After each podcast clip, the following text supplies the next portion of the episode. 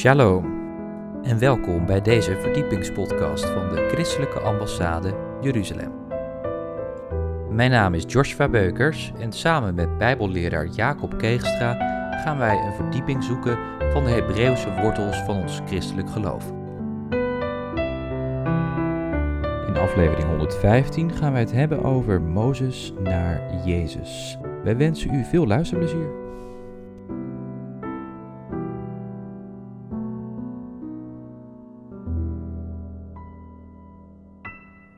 Welkom bij een nieuwe aflevering van Without Limits. Matthäus 19, vers 26 zegt: Bij de mensen is het onmogelijk, maar bij God zijn alle dingen mogelijk. We hebben een God, Without Limits.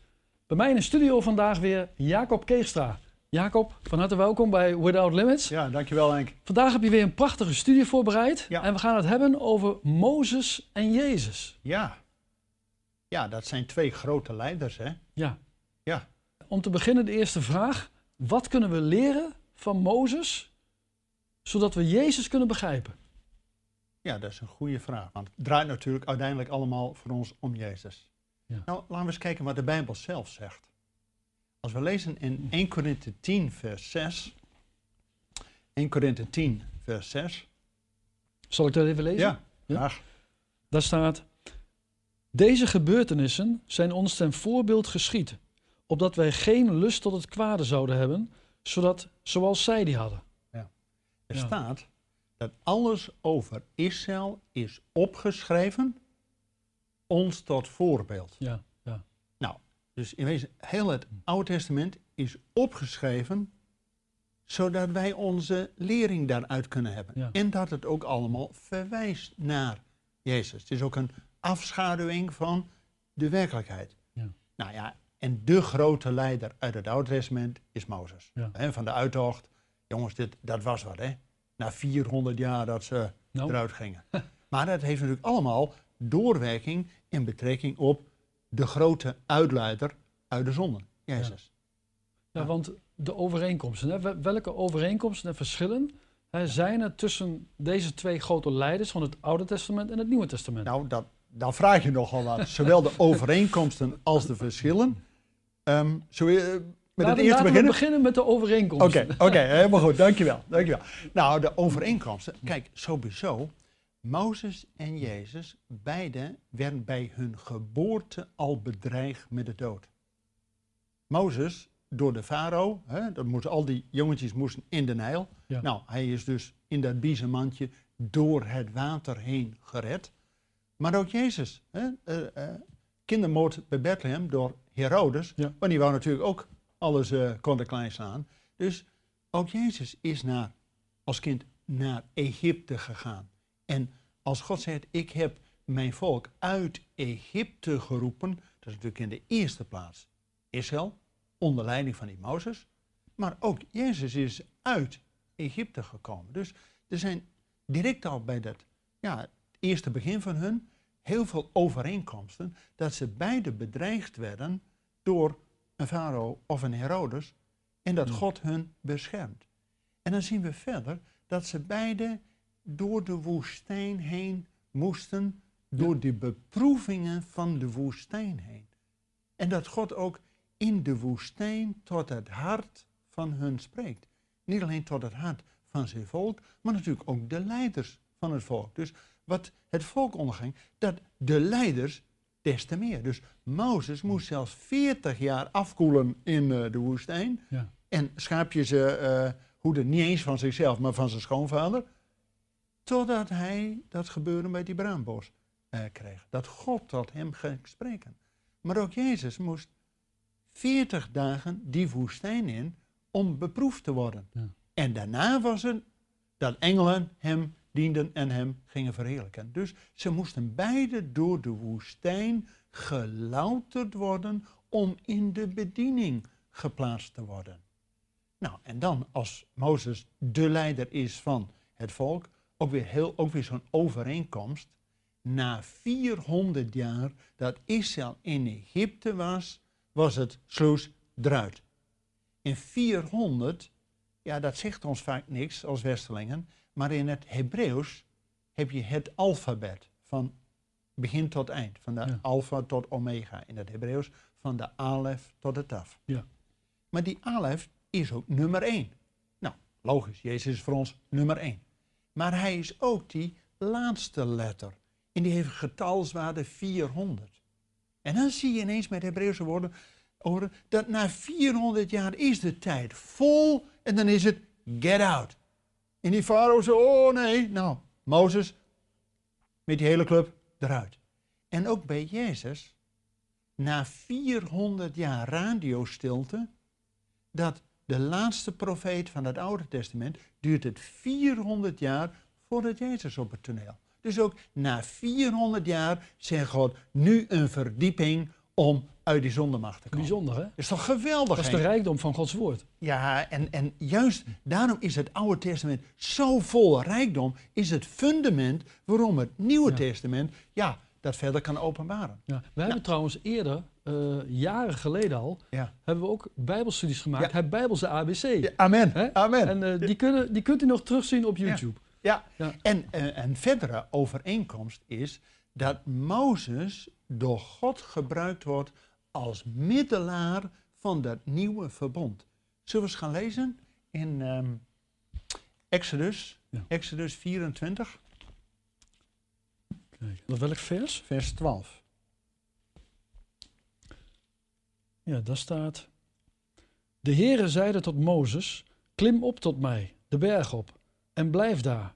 Dan zal ik u de stenen tafelen geven, de wet en het gebod die ik opgeschreven heb om hen te onderwijzen.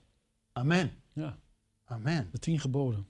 Ja, en het gekke is, wij noemen dat tien geboden, maar God noemt dat de tien leefregels, de tien onderwijzingswoorden. Het is zelfs een huwelijkscontract tussen God en zijn volk.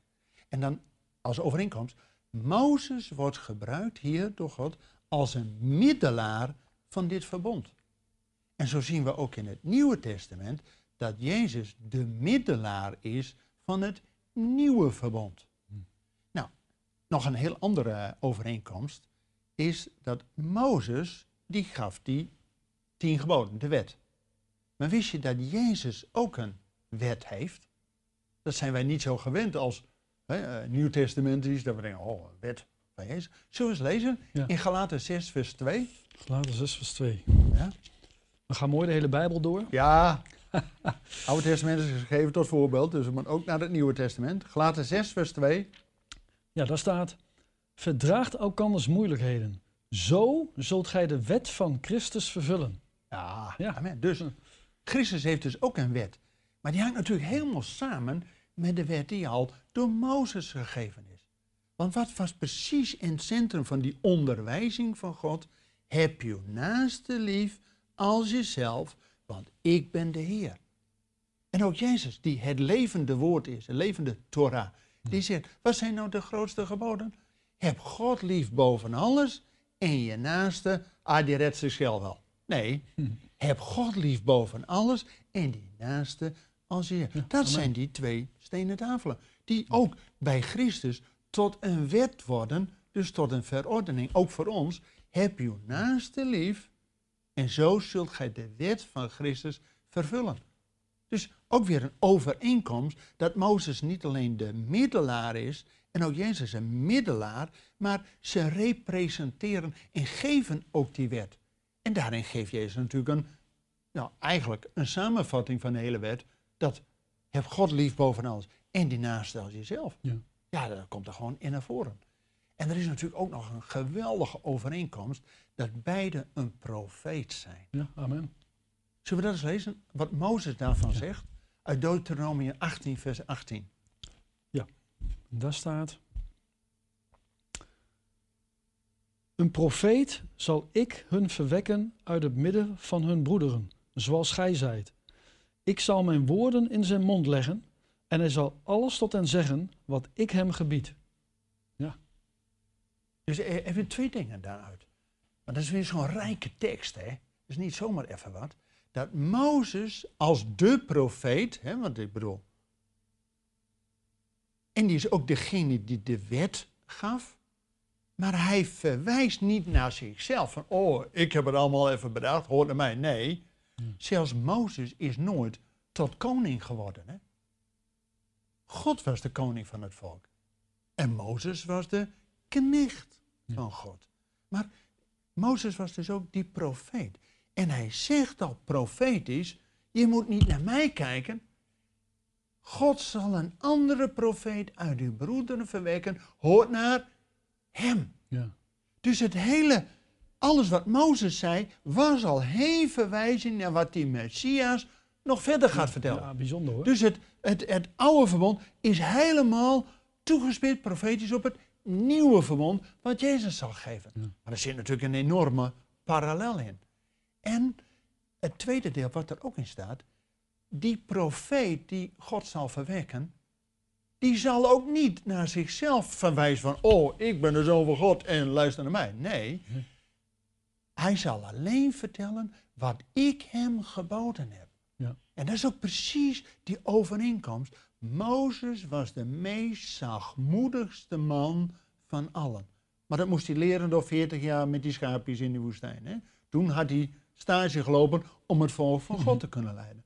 Maar zo moest ook Jezus niet naar zichzelf, oh ik ben de zoon van God en luister even naar mij. Nee, ik doe alles wat de Vader mij geboden heeft. Ja. En daarom is het ook dat Jezus zegt, ik en de Vader zijn één. Ja. En daarom is hij ook profetisch dat hij niet op zichzelf borduurt, maar zegt, nee, de woorden die God mij gegeven heeft, die zal ik verkondigen. Want een profeet, en dat vind ik ook zo krachtig van, van Jan eh, Without Limits, God is een God van wonderen. En het geloof komt door het horen. Ja. Maar je kunt niet horen als er niet eerst een spreker is geweest die het woord verkondigt. Ja. En Jezus was die profeet die het woord van God predikt en dus niet zichzelf predikt. Hij zegt ook niet, bid nou tot mij.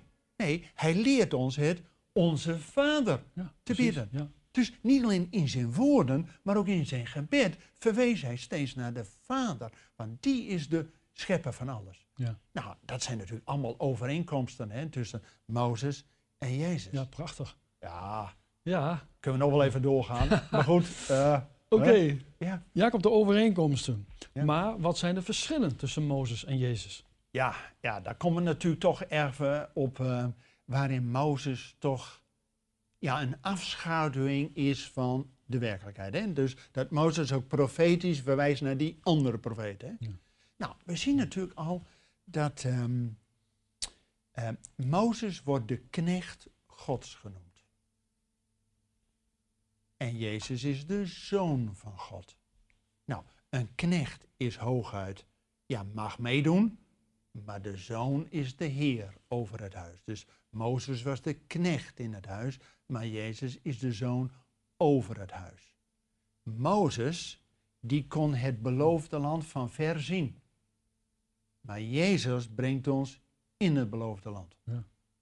Ehm, Mozes en Elia waren beide bij Jezus op de berg der verheerlijking.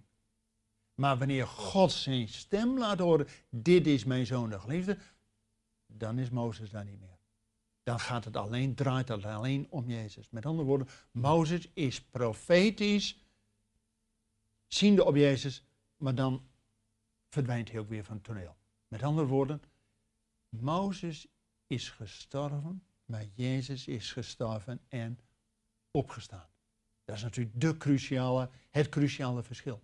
Hij is natuurlijk de eersteling die ons, net als de Josia, die volgende leider, die niet tot de Jordaan, maar een stap verder brengt. Het beloofde land in. Ja. Ik bedoel, dat kon Mozes niet.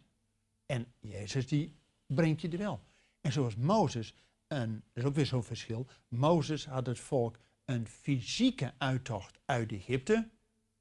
En Jezus gaat ons een geestelijke uittocht uit de zonden. Dat is dan weer een duidelijke een stap verder. Ja. Maar je moet vaak eerst fysiek weten wat er gebeurt en dan natuurlijk ook een geestelijke stap maken. Dus daar is ook een verschil.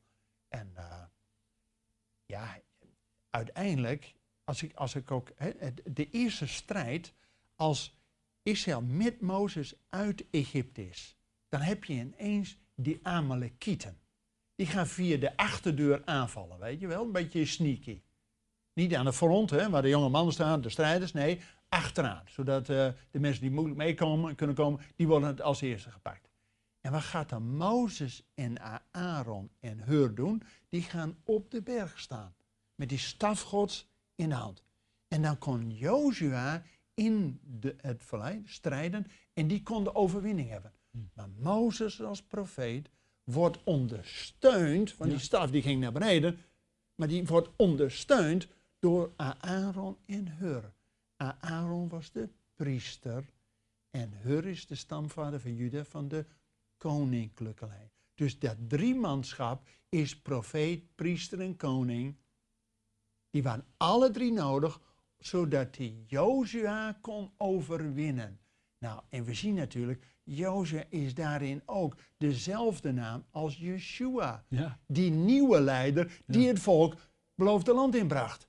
Dat was natuurlijk eerst fysiek, maar die grote leider, Yeshua, Jezus, is dan om ons ook uit die zonden van de, die ons slaven, tot slavernij uh, uh, maakt, maar in het beloofde land brengt en in het koninkrijk brengt. Dus ja, dat is toch een verschil dat Mozes kon ons tot Jordaan brengen, maar alleen Jezus brengt ons een stap verder. Ja, ja dat is toch wel een duidelijk verschil. Ja? En het verschil van uh, de, uh, uh, hoe zeg je dat, de berg ja. van de verheerlijking, hè, dat, dat, daar zei je al iets over hè? Ja, de berg der verheerlijking, dat was dus op een later moment, dat vlak voordat Jezus opging naar Jeruzalem, om daar zijn exodus te Jeruzalem te hebben. Dat ging over dood en opstanding van Jezus. En dan komt eerst uh, in Noord-Israël, meestal wordt de berg Tabor daarvoor aangewezen, dat Jezus met drie discipelen, Petrus, Johannes en Jacobus, gaat de berg op. En dan verschijnt Jezus als een, in de witte gedaante, wordt hij verheerlijkt. En dan komt ook Mozes en Elia. Mozes werd Elia, de profeet, dus wet en profeten zijn daarbij het levende woord Jezus. Dat is een mooi beeld, ja. Dat is toch een geweldig beeld. Ja. Maar dat betekent dat en profeten, Mozes en Elia, alleen maar verwijzen naar Jezus. Die wordt verheerlijkt. Mozes niet en Elia niet. Dat waren natuurlijk wel twee giganten, hè? Ja. Ik bedoel, zoals het Oude Testament. Mozes was natuurlijk de leider van, van uh, de Israël. En die heeft natuurlijk ook het volk. Jongen, er gingen een miljoen mensen uit Egypte. Nou, dat, dat was een hele club. En om dat leiding te geven, nou, dat... uh, Nou, eh, die jongens die murmureerden weer af. We hebben geen eten, we hebben geen drinken en we hebben niet dit. En, jongens, dat Mozes uh, de zachtmoedigste, dus dat, dat was al heel wat. Maar het heeft het nog niet bij wat Jezus gedaan heeft. Dat hij door de Jordaan, dat wil zeggen de doodsrivier, door dood en opstanding, kan Jezus ons in het eeuwige leven brengen. En kan hij ons ook vanuit Gods kant, als een Hebreeën die van die overkant ons tegemoet komen, ons tegemoet komen. En hij komt ons tegemoet met brood en wijn. Ja. En dat laat hij zien met die doorboorde handen. En dat die emmersgangen, wanneer ze dat breken van het brood zien, dan herkennen ze hem. ja, ja. En vaak ook over het Oude Testament ligt nog een sluier. Maar wanneer we ons ja, bekeren, dat Gods geest die sluier wegneemt, dan pas zien we Jezus. Ja. Net zoals Mozes, als hij van die berg afkwam, moest hij, oh dan scheen hij zo, dat de mensen zeiden, oh jongens, doet ons pijn aan de ogen, zo scheen hij. Dus hij moest iedere keer een doek over zich heen doen. Bedekking. Ja. Maar Jezus, die zonder bedekking ja, ons tegemoet komt met brood en wijn, maar ook die de heerlijkheid van God laat zien. Ja prachtig. Ja, en Mozes was een afschaduwing van de heerlijkheid. Maar Jezus is het werkelijke licht. Daarom is hij ook die blinkende morgenster die tot ons komt. Ja. Ja, dat En- kon Mozes niet. En er is nog een verschil, volgens mij. Mozes Ja. en de bruidegom. Hoe zit dat? Ja, ja, ja de, kijk, ja, nee, dat, dat, dat geweldig. Mozes mocht natuurlijk het volk uitleiden in die huwelijkscontracten van de tien geboden geven. Maar Mozes was in daarin gewoon de knecht of de, ja, de vriend van de bruidegom. Maar de echte bruidegom is waar hij naar verwijst. En dat is de Messias. Amen. De Messias komt om zijn bruid te halen. ja. En ja, dat kon Mozes niet. Mozes was de vriend van de bruidegom. En Jezus is die bruidegom. En daarom zien we ook dat verhaal met die gelijkenis van die tien maagden. Die gingen de bruidegom tegemoet. Die gingen niet Mozes tegemoet. Nee, die gingen de bruidegom tegemoet. Dat wanneer hij zijn roepstem laat klinken, ja, dan komt die Messias, die bruidegom, tot zijn volk. Ja. Ja, en dan, dan is de wet ja, niet meer op stenen tafelen, maar in ons hart geschreven. Dat is een liefdesverklaring tussen de bruidegom en de bruid. Ja, schitterend. Ja, dat Ja. kon Mozes niet. Dus die was echt de vriend van de bruid. Maar die zich verheugt over... Oh, time to party. ja, dan komt de feest. Prachtig. Nou, kijk, eh, misschien Ja. is het goed om dat te lezen. Dat is eh, openbaring 19, Ja. vers 6 en 7. Dat is een van mijn, mijn eh, geliefde teksten. Openbaring Maar in 19. 19, vers 6 en 7. De bruiloft des lams staat Ja. erboven. En ik hoorde als een stem van een grote schare en als een stem van vele wateren. En als een stem van zware donderslagen zeggende Halleluja. Want de Heere, onze God, de Almachtige, heeft het koningschap aanvaard. En dan vers 7. Ja. Laten we blijde zijn en vreugde bedrijven en hem de eer geven, want de bruiloft des lams is gekomen en zijn vrouw heeft zich gereed gemaakt. Ja, Wat een geweldige tekst. Ja, jongens, dit is een van mijn meest geliefde teksten. Ja, hier gaan we naartoe. Maar weet je wat hier nou staat? Dat heb je net gelezen. Halleluja, want de Heer is koning geworden. Heeft zijn Ja, koninklijke waardigheid in ontvangst genomen. Vanuit de handen van de Allerhoogste van God zelf. Maar dat betekent, dat kon Mozes dus niet, hè? Mozes was de knecht. En Jezus is de koning. Ja. Ja, als je verder kijkt in openbaring, in vers 16, hè, staat het ook koning der koningen en heren der heren. Nou, dat was Mozes niet. Dat was de knecht der knechten. Tuurlijk, Jezus was ook knecht. Hij ging dat zelf de diepte door. Maar hij komt nou niet weer terug om weer aan het kruis te hangen. Dat is één keer gebeurd. Maar hij komt straks terug om als koning, als leeuw van Juda, op zijn troon te gaan zitten. Ja. Nou, dat betekent dat wij als ja, bruid gereed moeten zijn voor die komst van de Messias. En betekent dat Mozes, ja, die verwijst daar natuurlijk naartoe. En het hele Oude Testament is natuurlijk één grote prelude dat eenmaal die Messias gaat komen. En dat we ons gereed moeten maken voor de maaltijd des Heren. Vandaar dat brood en wijn al onderweg.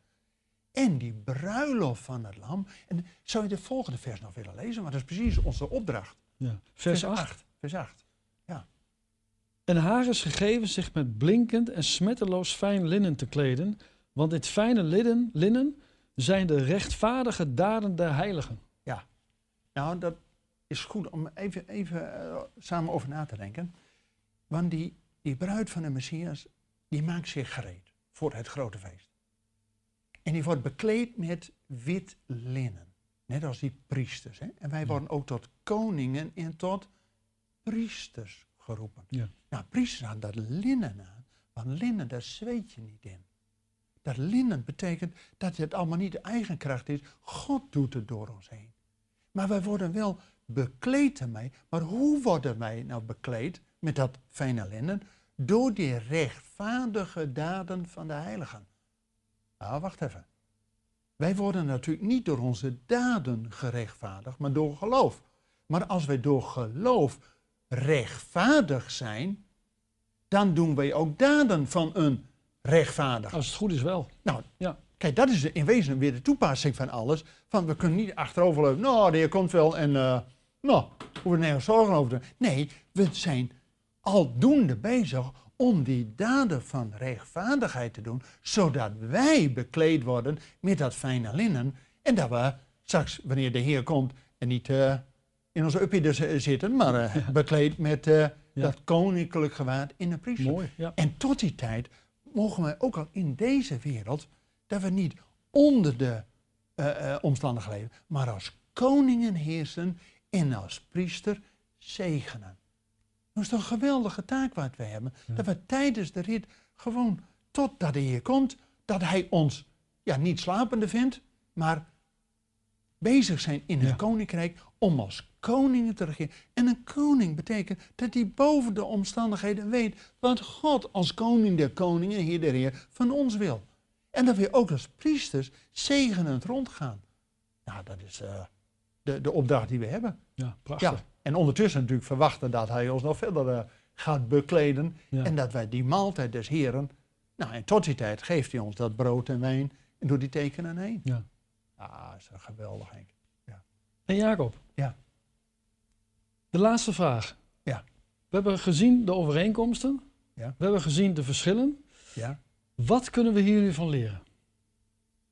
Ja, dat is, ja, dat is een goede vraag. Dan kom je toch weer terug op, op de eerste tekst die wij lazen. Dat het hele Oude Testament, alles over Israël, is opgeschreven, ons tot voorbeeld. En zelfs de leider van het Oude Testament, Mozes, en daar ging het met name om, jongens, die verwijst naar die grote leider van het Nieuwe Testament, Jezus. Ja. En dat is niet om nou maar, ah, het is vervuld en afgedaan. Nee, die lessen over Israël zijn ook vandaag voor ons nog steeds van belang. Want we zien, hoe laat het op de klok van God is, dat God zijn volk weer terugbrengt om die wederkomst van de Heer ja, te bespoedigen. Want Jezus kan natuurlijk niet terugkomen als zijn volk nog over de wereld verspreid is. Maar dat betekent dat zijn volk terugkeert, maar ook wij steeds verder gereinigd worden en gereed gemaakt worden, prepared zeggen ze in het Engels, om die bruidegom te verwelkomen. En soms gaat dat door moeilijkheden heen. Nou, met corona en we kunnen amper meer in de kerk komen en we worden wel getest. Maar betekent ook, houden we het vol? Nou, die tien maagden, ja, die gingen de koning tegemoet, de bruidegom tegemoet. Ze hadden allemaal visie. Maar vijf, die sliepen gewoon in. Ja. Ja, alle tien sliepen in. Maar toen de wake-up call er was, toen waren er vijf waren voorbereid. Hadden een reserve. Hadden Ja. dus nog iets van Gods geest. Zodat je het volhoudt. Nou, ik denk dat dat ook de les voor ons is. Hoe zijn wij voorbereid? Zoals Mozes, jongens, dat volk na 400 jaar eruit. Ook eh, eh, Jezus, het was 400 jaar voordat hij zegt, een vervolgende staat. Maar hoe laat is het nu op de klok van God? Zijn wij waakzaam om ook de Heer, ja, dat hij spoedig weer komt? Ja. En dat betekent dat we onze prioriteiten op orde moeten hebben. Dat we dus niet van alles en nog wat maar doen, maar ons ook als koningen en als priesters van het koninkrijk, als gezanten van het koninkrijk, ja, gaan voorbereiden. Ja. Nou, Ja. dat is wel een les die we daaruit kunnen lezen. En dat betekent ook dat we de hele Bijbel serieus moeten nemen. Zoals Mozes, die, die middelaar was van het Oude Verbond, Jezus, die middelaar van het Nieuwe Verbond. Ja, het Nieuwe Testament is maar een kwart van het hele Oude Testament. Met andere woorden, we kunnen dat eerste deel niet missen. Het is wel eens net als met een film. In een film heb je, eh, in het begin wordt alle karakters neergezet en dan wordt de dramatiek neergezet en dan is er pauze. En dan na de pauze komt de hoofdfiguur op het podium en dan voordat de, de grote finale er is, dan weet je al, er komt wat. Nou, dat is precies, God met de, gaat met het Oude Testament eigenlijk al alle pionnen neerzetten, alle karakters. En dat is, oeh, en dan die pauze en dan komt die nieuwe, en na de pauze komt de hoofdrolspeler, Jezus. En dan, oh, we weten al wat er komt. Omdat drie kwart van de Bijbel is al het fundament. Ja. Dan hoeft het Nieuwe Testament, ja, is die laatste plus erboven. Maar die snap je pas als je de hele Bijbel serieus neemt. Nou, dat is een les die we daaruit kunnen hebben. En dan natuurlijk, ja, die hoofdrolspeler van het Oude Testament, Mozes, ja, die verwijst toch naar die hoofdrolspeler van het Nieuwe Testament. Dus door deze studie, het gaat uiteindelijk om wat we van Mozes kunnen leren om Jezus te begrijpen. Ja, mooi. Nou, dat is precies de vraag Ja. waar we mee begonnen. En want het gaat erom, hoe kunnen we Jezus begrijpen? Nou, ja, dat bet- betekent dat God allemaal ook die voorbereidingen heeft om uiteindelijk zijn punt te maken. Ja, prachtig.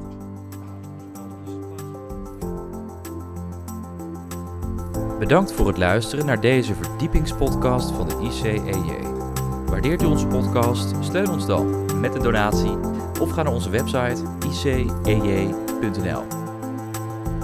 Volgende week gaan wij verder met de Bijbelserie Zicht op Romeinen. Uit Romeinen 11, geënt op de edele olijf. Ik hoop dan dat u wederom naar ons gaat luisteren. Bedankt voor het luisteren en tot volgende week.